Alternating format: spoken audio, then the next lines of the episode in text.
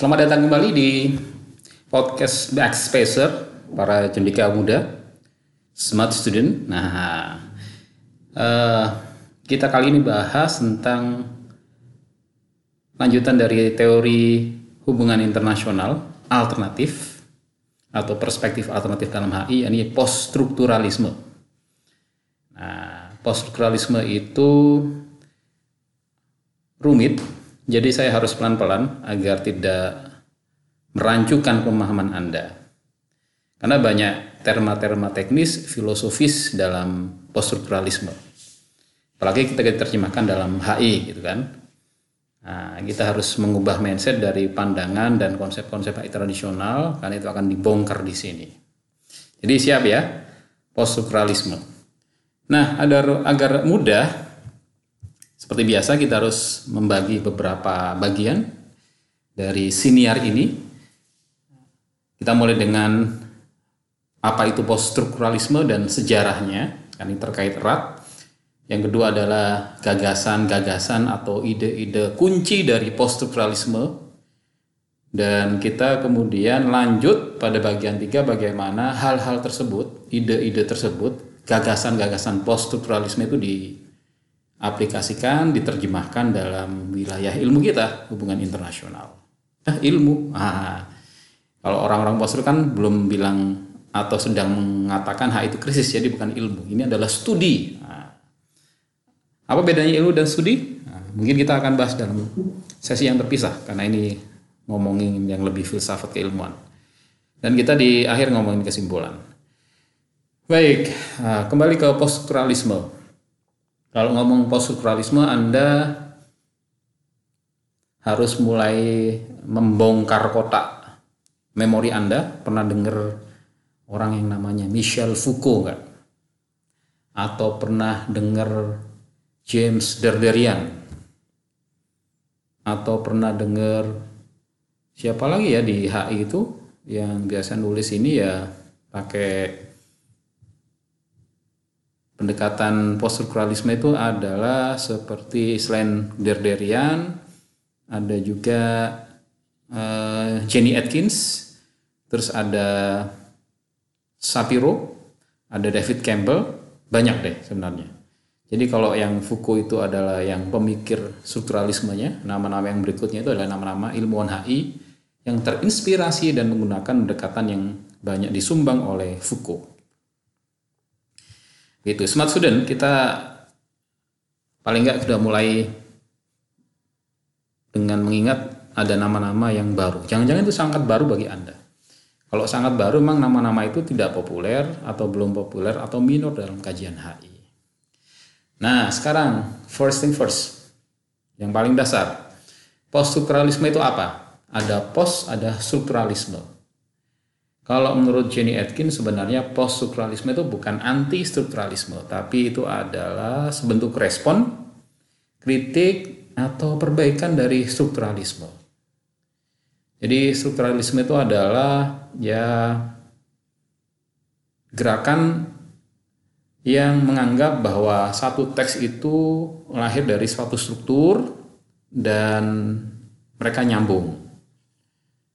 Itu itu strukturalisme. Poststrukturalisme itu mengkritik itu mengatakan bahwa satu teks itu lahir bukan bukan tidak selalu koheren dengan struktur. Bahkan dia kadang harus uh, mengalami kontradiksi, inkoherensi, diskontinuitas. Nah, mulai mengerutkan dahi ini ya. Begitulah. Dan saya juga memang tidak mudah meringkus pemahaman soal poststrukturalisme karena ya mereka sendiri nggak mau diringkus, nggak mau didefinisikan. Karena kalau mudah didefinisikan, mudah diringkus dalam satu uh, definisi, satu takrif, sebenarnya itu mengingkari poststrukturalisme. Contohnya nih, Foucault sendiri nggak mau disebut sebagai ilmuwan poststrukturalisme. Nah, bingung kan? Nah, bingung. Karena ya intinya adalah mereka tidak ingin kepastian, mereka ingin tidak ingin kemapanan mereka skeptis pada hal-hal yang mapan termasuk pengetahuan. Nah, itu yang mungkin menjadi pintu masuk yang lebih mudah tentang pengetahuan.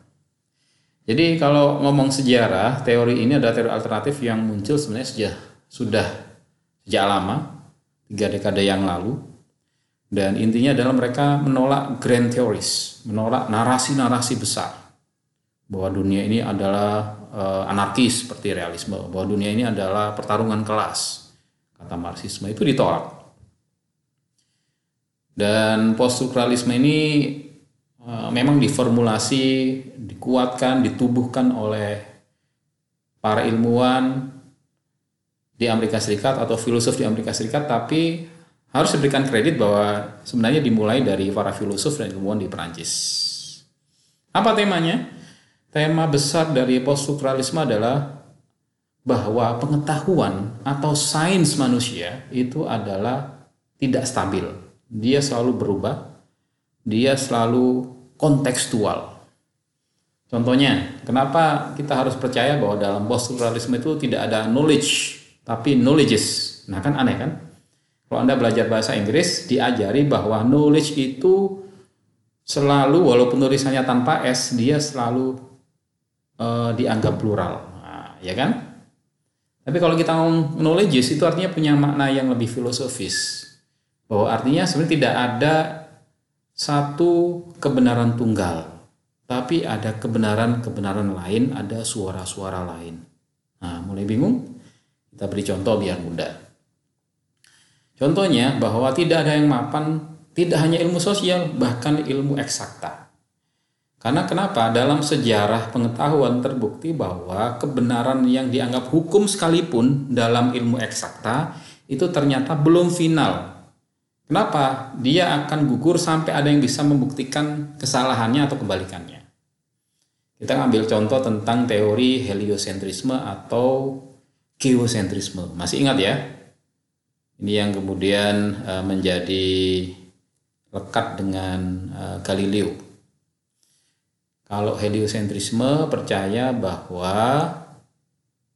matahari adalah pusat tata surya, yang lainnya tata surya mengitari matahari. Mengitari matahari ya. Tapi kalau geosentrisme percaya bahwa bumi adalah pusat semesta yang lainnya mengitari bumi. Dulu orang percaya, dulu dilegitimasi dengan oleh gereja bahwa bumi adalah pusat semesta, pusat tata surya. Benar kan? Nah, saat itulah disebut pengetahuan. Ternyata kan ada seorang ilmuwan yang namanya Galileo yang membuktikan itu salah. Nah, singkat cerita bahwa pengetahuan yang lama bahwa bumi pusat tata surya itu ternyata salah dan dikatakan oleh pengetahuan yang baru yang yang yang yang namanya atau nama teorinya adalah heliosentrisme matahari sebagai pusat tata surya maka kita harus melihat memahami pandangan para poststrukturalis bahwa dia melihat pengetahuan itu enggak tunggal pengetahuan itu banyak dan sekarang yang muncul sebagai pengetahuan itu karena dia memenangkan dan lepas dari atau memenangkan pertarungan dengan yang lainnya. Disebut HI karena tiga paradigma itu memenangkan dari pandangan yang lainnya. Begitu juga dengan kedokteran, antropologi, fisika, dan sebagainya. Jadi kembali lagi temanya adalah bahwa pengetahuan manusia itu tidak stabil, dia berubah-ubah, dia sesuai konteks.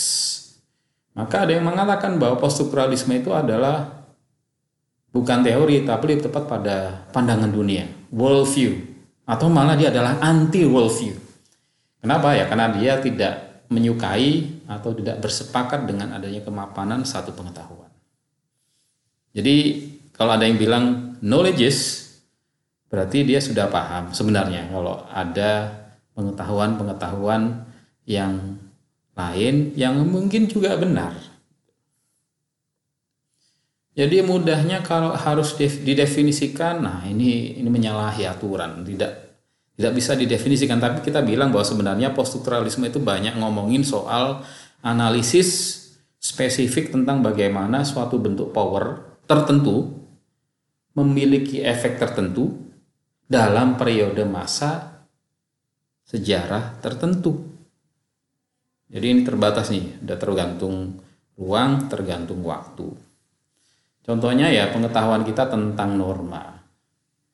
saya sering memberikan contoh sederhana kayak gini tentang kita mengenal sekarang adanya hijab syar'i. Wah, hijab syar'i itu Smart Sudan bayangan kita hari ini, imajinasi kita hari ini adalah uh, kerudung, tudung kepala yang dipakai oleh perempuan yang manjang, yang panjang dan besar. Dan itu dianggap syar'i. Syar'i artinya islami memenuhi kaidah hukum Islam. Jadi yang pakai kerudung yang kecil dilipat, apalagi yang modis itu dianggap tidak syar'i. Padahal kalau ingat itu norma hari ini ya. Kalau ingat tahun 80-an, tahun 70-an perhatikan foto-foto lama istrinya Buya Hamka, tokoh Muhammadiyah. Istrinya Gus Dur bahkan sampai hari ini kerudung itu dipakai nempel di kepala, rambutnya terlihat dan mohon maaf juga lehernya terlihat. Di zaman itu, itu dianggap sudah sangat islami di tahun itu loh ya, tahun 80, 70. Dan ingat tahun itu jilbab itu dilarang oleh Soeharto. Presiden kita, mantan presiden kita. Bahkan ada beberapa kasus orang atau mahasiswa atau siswa pakai kerudung di foto resminya itu tidak diakui atau dikeluarkan dari sekolahnya. Nah intinya norma itu berubah. Dulu yang disebut Islami dan syar'i pakai kerudung di hari ini di, dianggap bahkan tidak syar'i atau tidak Islami. Begitulah pengetahuan juga. Jadi smart student poststrukturalisme menawarkan cara studi bagaimana pengetahuan itu diproduksi ya. Bagaimana sampai pada kita menganggap itu mapan. Nah, itu di dilucuti, dibuka, dibongkar. Nah, jadi kita ngomongin ide dasar nih. Bagian kedua, jadi apa sih ide dasar dari poststrukturalisme? Itu dimulai dari pandangan anti foundasionalisme. Apa itu? Itu pandangan bahwa tidak ada dunia yang di luar kita. Semua sistem teoritis, semua sistem observasi, semua bentuk observasi baik teori eksakta maupun sains dan teori sosial itu adalah bagian dari dunia yang ingin dijelaskan dan punya efek terhadap dunia itu. Ini berseberangan dengan positivisme yang menganggap bahwa kita terpisah dengan dunia. Dan peneliti atau penstudi harus terpisah dari dunia agar objektif. Enggak. Ide dasar poststrukturalisme adalah bahwa tidak ada yang di luar kita. Semua inherent dalam kita. Jadi mereka punya skeptis. Mereka sikap yang punya sikap yang meragukan pada asumsi atau narasi mapan. Nah, kenapa? Nah, pelan-pelan. Kenapa? Karena kita mulai dari ide-ide dasar yang lainnya yaitu subjektivitas. Ini persoalannya soal eh, bahwa berpikir itu merupakan aktivitas sosial. Loh kok bisa? Berpikir kan sendiri, kok bisa disebut aktivitas sosial? Karena berpikir itu bertumbuh pada bahasa. Jadi bisa dikatakan kalau sudut pandang poststrukturalisme bukan orang, bukan kita yang melahirkan bahasa, tapi sejatinya bahasa yang melahirkan kita, manusia. Contohnya, karena kita ini memahami bahasa atau lebih sederhananya memberikan nama suatu objek lewat bahasa yang sifatnya sebenarnya adalah mana suka atau arbitrer. Caranya bagaimana? Caranya dengan mengaitkannya dengan lawan objeknya. Ya, mudahnya gini nih. Para cendekia muda, smart student, kita menamai satu hewan berbulu sebagai kucing. Dan kita sepakat namanya adalah kucing. Nah, bayangan kita tentang tentang kucing itu atau gambar dalam benak kita soal kucing itu hanya mudah, hanya bisa dibantu oleh bayangan hewan lain yang bukan kucing. Misalkan muncul yang kucing itu berbulu tapi bukan anjing. Nah, gitu. Jadi kita akan menghubungkan satu penamaan dengan pemahaman lama yang berbeda dari apa yang kita namai. Nah, jadinya kita akhirnya eh, bahasa yang membentuk kita itu artinya bahwa kita ya kita ngikutin eh, kita dilahirkan oleh bahasa. Ini bisa lebih dijelaskan lewat hubungan antara bahasa dan diskursus. Nah, ini kata ya, kata kata Michel Foucault. Kenapa dia menjelajahi, dia mengeksplorasi hubungan antara suatu konsep, hubungan antara suatu benda dengan praktik sosial di suatu masa atau yang disebut sebagai episteme. Contohnya, kita meyakini atau melabeli satu bentuk yang namanya kegilaan. Definisi kegilaan itu tergantung praktik sosial di satu masa dan di satu tempat. Contohnya, di satu masa uh, akan lebih mudah kalau Anda pernah nonton film yang judulnya itu atau kalau menonton itu film judulnya Kills. Kills itu dibintangi oleh Joaquin Phoenix yang barusan memenangkan Oscar lewat Joker dan Kate Winslet nah, kalau anda ingat Titanic sebenarnya saya sudah nonton film ini uh, jauh lama di akhir kuliah dan saya sudah menebak bahwa Joaquin Phoenix ini layak dapat Oscar satu hari karena permainan yang menawan di film itu. Nah film itu tentang Marquis de Sade. Marquis de Sade itu adalah novelis uh, favoritnya Michel Foucault dan dia dianggap gila. Dianggap gila itu bukan karena dia gendeng bukan edan bukan nggak waras tapi dianggap gila itu karena dia melakukan hal yang dianggap tidak normal di masa itu. Apa itu di masa Victoria? Di masa Victoria itu ngomongin seks itu tabu. Padahal dia itu ada novelis yang ngomongin atau cerita soal kemesuman atau kecabulan menggambarkan seks, menuliskan di zaman itu ngomongin seks itu tabu, beda dengan orang barat sekarang yang yang terbuka dan tidak ada masalah. Ngomongin saat itu soal seks itu dianggap tabu, amoral dan akhirnya didefinisikan gila. Apa buktinya? Karena dianggap gila atau didefinisikan gila, dia akhirnya dimasukkan ke rumah sakit jiwa, asylum, bersama dengan orang-orang yang nggak waras atau edan. Nah ini membuktikan bahwa disebut gila itu lahir dari suatu pengetahuan, lahir dari satu rezim kebenaran. Kita akan melihat kalau memasuki sejarah bahwa pemaknaan gila itu berubah-ubah. Gila dianggap sakit seperti lepra, maka perlu dimasukkan ke rumah sakit jiwa dan bisa disembuhkan. Di masa sebelumnya gila itu dianggap kriminal, maka harus dipenjarakan. Nah, siapa yang menjustifikasi bahwa gila itu harus diobati atau dianggap kriminal? Pengetahuan, termasuk medis, termasuk ada intelektual, ada ilmuwan yang berperan di situ sebagai bagian dari rezim kebenaran. Jadi kalau ngomongin Foucault kita harus ngomongin yang namanya relasi kuasa dan biopolitik. Nah ini menariknya, Smart Student. Sumbangan Michel Foucault yang harus kita berikan kredit adalah dia menawarkan cara pandang power yang berbeda. Kalau Anda mengenal power dari realisme, power dalam sudut pandang Foucault itu sangat berbeda.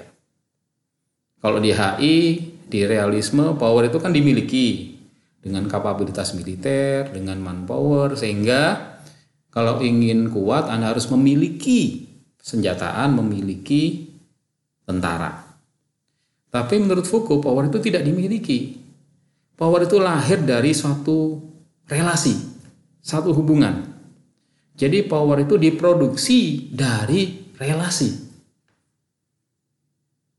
Nah, ini menarik nih. Ini harus diberikan contoh.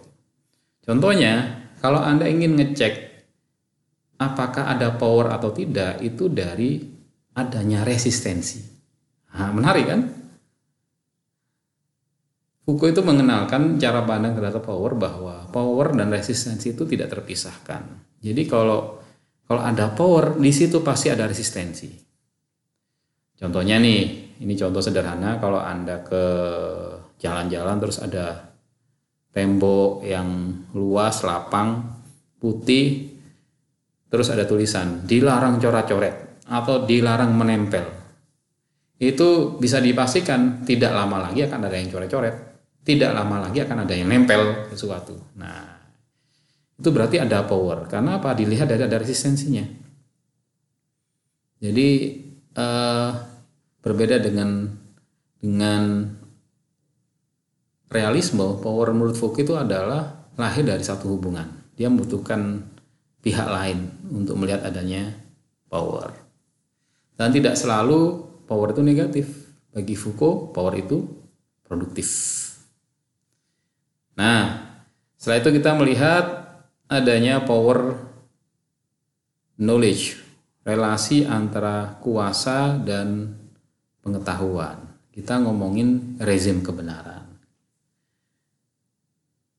Nah, ini contohnya adalah bahwa kayak tadi itu rezim kebenaran hari ini soal norma dari tutup kepala perempuan muslim atau muslimah itu adalah bahwa yang syar'i adalah yang lebar dan panjang itu rezim kebenaran. Bagaimana kita bisa melihat adalah relasi kuasa? Ya karena dengan menyebutkan itu adalah hijab syar'i, berarti yang tidak pakai sesuai standar itu, satu rezim itu, Anda dianggap bukan memakai hijab yang uh, syar'i atau yang Islam. Nah, masih sulit lagi? Uh, mungkin cari yang mudah lagi adalah soal hmm, saya pernah contohkan di kelas soal uh, memakai sandal jepit. Bagaimana jepit bisa sandal jepit bisa mengungkap adanya relasi kuasa? Coba tanya aja atau praktekkan sendiri. Anda berani nggak ke visip pakai sandal jepit? Nah, belum ada yang berani atau mungkin ada berani tapi ya dia melawan kenormalan. Nah, dianggap tidak normal.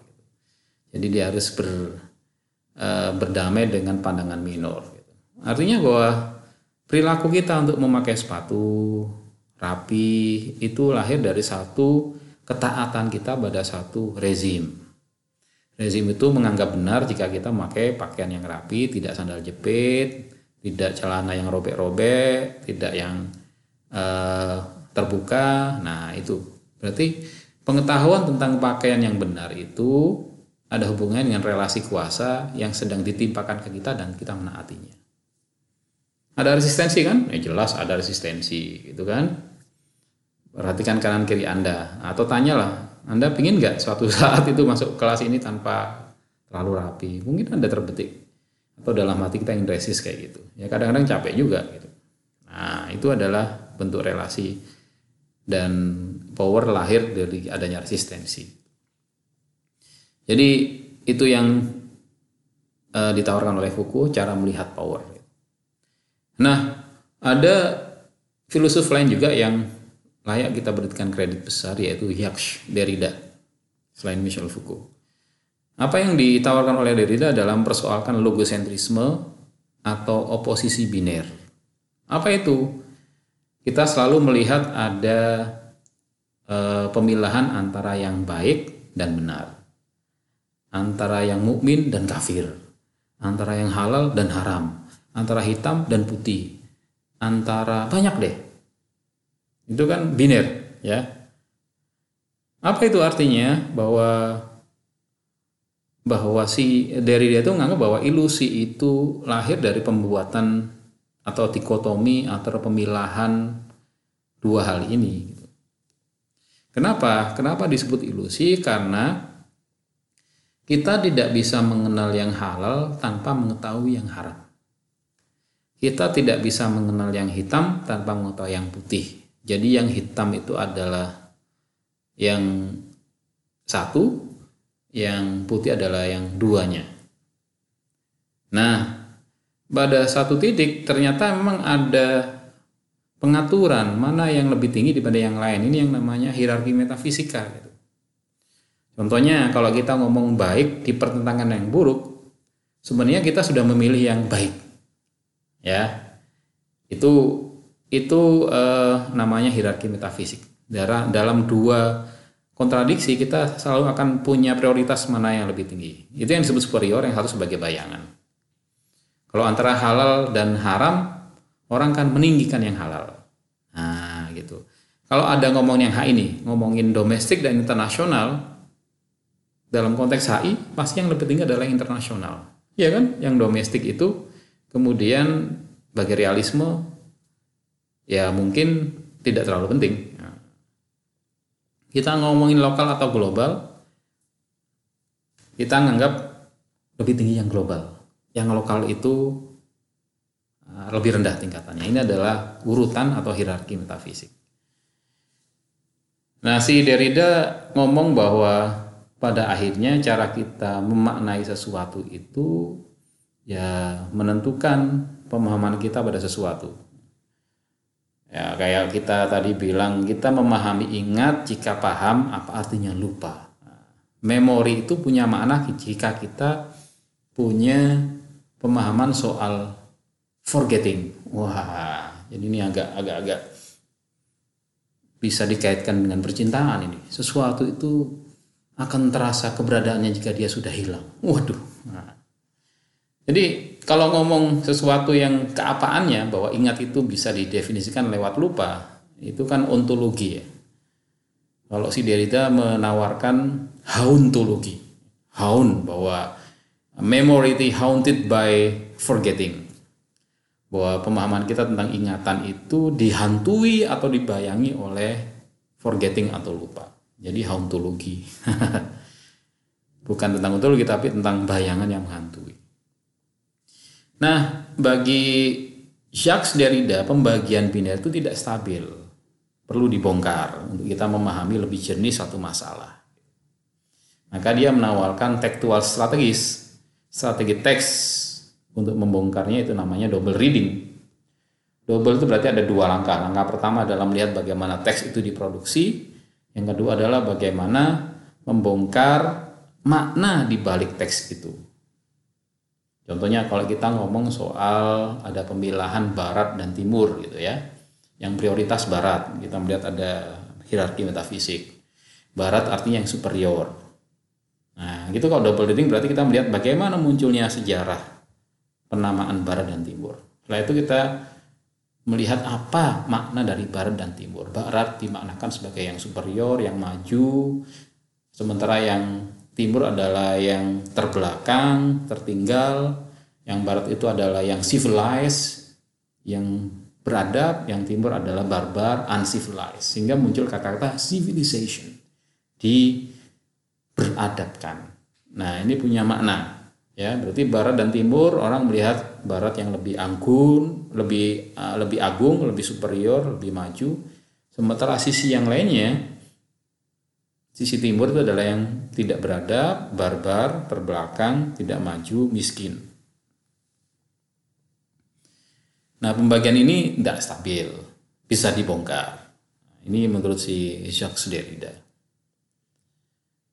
oke itu akan masih panjang kalau diulas lebih dalam. Kita hentikan di situ.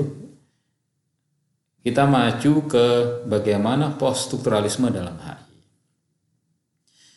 Nah, yang terjadi dalam wilayah hubungan internasional atau studi hubungan internasional Kini fokusnya bergerak dari poststrukturalisme itu tidak hanya mengkritik teori HI mainstream, tapi bergerak pada aplikasi apa itu aplikasi penggunaannya secara langsung dan praktis untuk beragam isu dan pertanyaan dalam hubungan internasional. Jadi kalau kita bergerak pada bukan lagi kritik tapi pada aplikasi, ini adalah kajian kritikal pada subdisiplin HI. Ada banyak. Anda bisa melihat karya-karya bagaimana poststrukturalisme diterjemahkan dalam kajian HI, baik keamanan, ekonomi politik global maupun identitas dan lain sebagainya. Contohnya, Anda bisa melihat karya-karya yang keamanan itu dari Dillon dan Stern. Soal perang dan militerisasi dari Dalby tahun 90, Shapiro tahun 97, Mahazefus tahun 2002. Soal political ekonomi dari De Gode tahun 2005. Etika internasional dari David Campbell dan Shapiro. Kajian kritis dari Diplomasi lewat sudut pandang poststrukturalisme karya dari James Derderian tahun 1992. Humanitarian Intervention karya Orf, uh, Humanitarian Intervention dari karya Orford. Banyak lagi deh. foreign policy dari karya Campbell juga bisa dilihat. Nah, ini adalah bagaimana karya-karya itu diterjemahkan dalam hubungan internasional. Apa yang lebih mudah? Lebih mudah coba kita kasih contoh yang sederhana adalah kepentingan nasional. Kalau menurut poststrukturalisme, benarkah ada kepentingan nasional? Ini kan pengetahuannya, ini konsep yang mapan di HI, terutama realisme. Kalau menurut poststrukturalisme, kepentingan nasional itu nggak ada. Kenapa? Karena kata-kata kepentingan nasional itu mengandaikan negara itu tunggal. Padahal kan negara nggak tunggal. Ada pemerintah di situ, ada MNC di situ, ada masyarakat sipil di situ, bahkan ada individu di situ. Jadi nggak tunggal. Maka definisi kepentingan nasional itu ilusi. Karena nggak ya nggak nasional banget atau nggak nasional.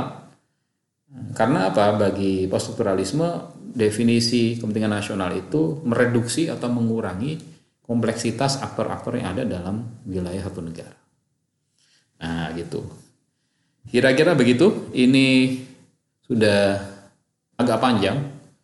Maka harus kita hentikan, kita harus pecah. Mungkin kalau ada yang perlu didetailkan kita pilah menjadi podcast berikutnya.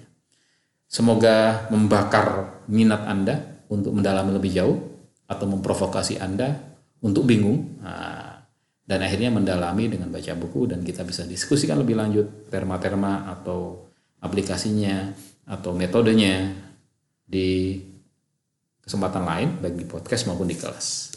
Terima kasih. Jangan lupa baca. Assalamualaikum.